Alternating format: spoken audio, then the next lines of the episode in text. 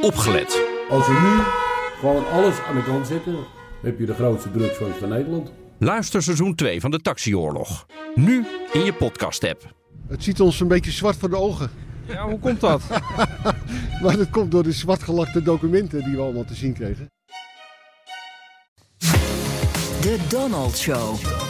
Tijd voor een update uit de United States of Trump met onze correspondent in Washington, Jan Postma. Jan, de Democraten vochten het gisteravond uit in een debat. Maar de man die deze week de show stal, heet gewoon weer Donald Trump. Ja, gewoon weer hoor, Bernard. Uh, hij deed het zondag al toen uh, de Daytona 500 werd geraced. Dat is de belangrijkste NASCAR-race van het jaar, autoraces. En uh, ja, hij deed dat niet voor niets, daarover later meer. hij startte de race met die beroemde woorden... Hè, Gentlemen, start your engines. Was hier op, op tv te, natuurlijk live te zien. En je hebt het vast ook gezien, hij maakte een rondje... met die presidentiële limo over het circuit. maar waar de commentatoren echt extatisch over waren... was het rondje dat Trump maakte met Air Force One boven het circuit. Er was echt grote bewondering. Uh, dit zijn de commentaren, uh, commentatoren van Fox. I have been to a lot of Daytona 500s, Chris. Never have I felt the excitement and energy. We've had great racing on the track, but we've got the president landing right now. The fans are pumped up. I mean, wow, what a day. It's one of the most incredible things I've ever seen to, to, see. They said that plane's 800 feet above the racetrack right now. What an entrance by the President of the United States. Ja, het ging alleen maar over Trump dus, dus. En daarna zeiden ze ook nog wel dat het wel even extra druk zou opleveren voor de coureurs. Die zullen wel zenuwachtig zijn, want de president is er. Ja, mooie show. Maar je zei het al, Trump deed dat ongetwijfeld niet voor niets.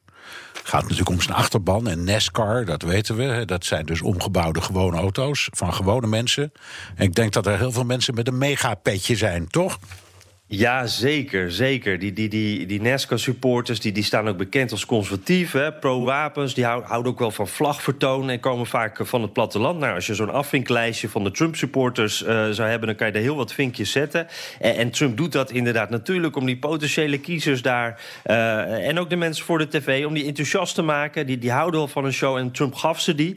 En dus zag je echt sport en politiek in elkaar overgaan. En het leek echt wel een campagne-rally. Inderdaad, die rode petjes... Maar ook op het middenveld heel wat Trump-vlaggen die wapperden. Uh, er werd echt hard gejuicht voor een door de Trump-campagne gesponsorde raceauto... die in het voorprogramma reed. De Trump Pants 2020 stond erop.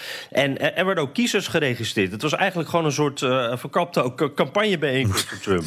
Fantastisch. En voor de kijkers een speciaal Daytona-spotje. Ja, mocht je nog twijfelen of er ook politiek meespeelde. Uh, tijdens de reclames kregen de mensen dat hier te zien op televisie. En, en in het spotje zie je de Daytona 500 uh, terugkomen. Je ziet die auto's racen. En, en daarna ook beelden van de economie waar het zo goed mee gaat. Die ook uh, race, zullen we maar zeggen. Maar let vooral ook even op die positieve, die patriotistische toon. America is great. Better than ever. Under President Trump's leadership, we are racing to new heights. Millions of new jobs, rising wages, record low unemployment securing our border, protecting our country, and respecting our veterans. Most of all, we are proud to be Americans, proud of our country, our families, and our flag. God bless America. And the best is yet to come. I'm Donald J. Trump, and I approve this message. Ja, fantastisch hè.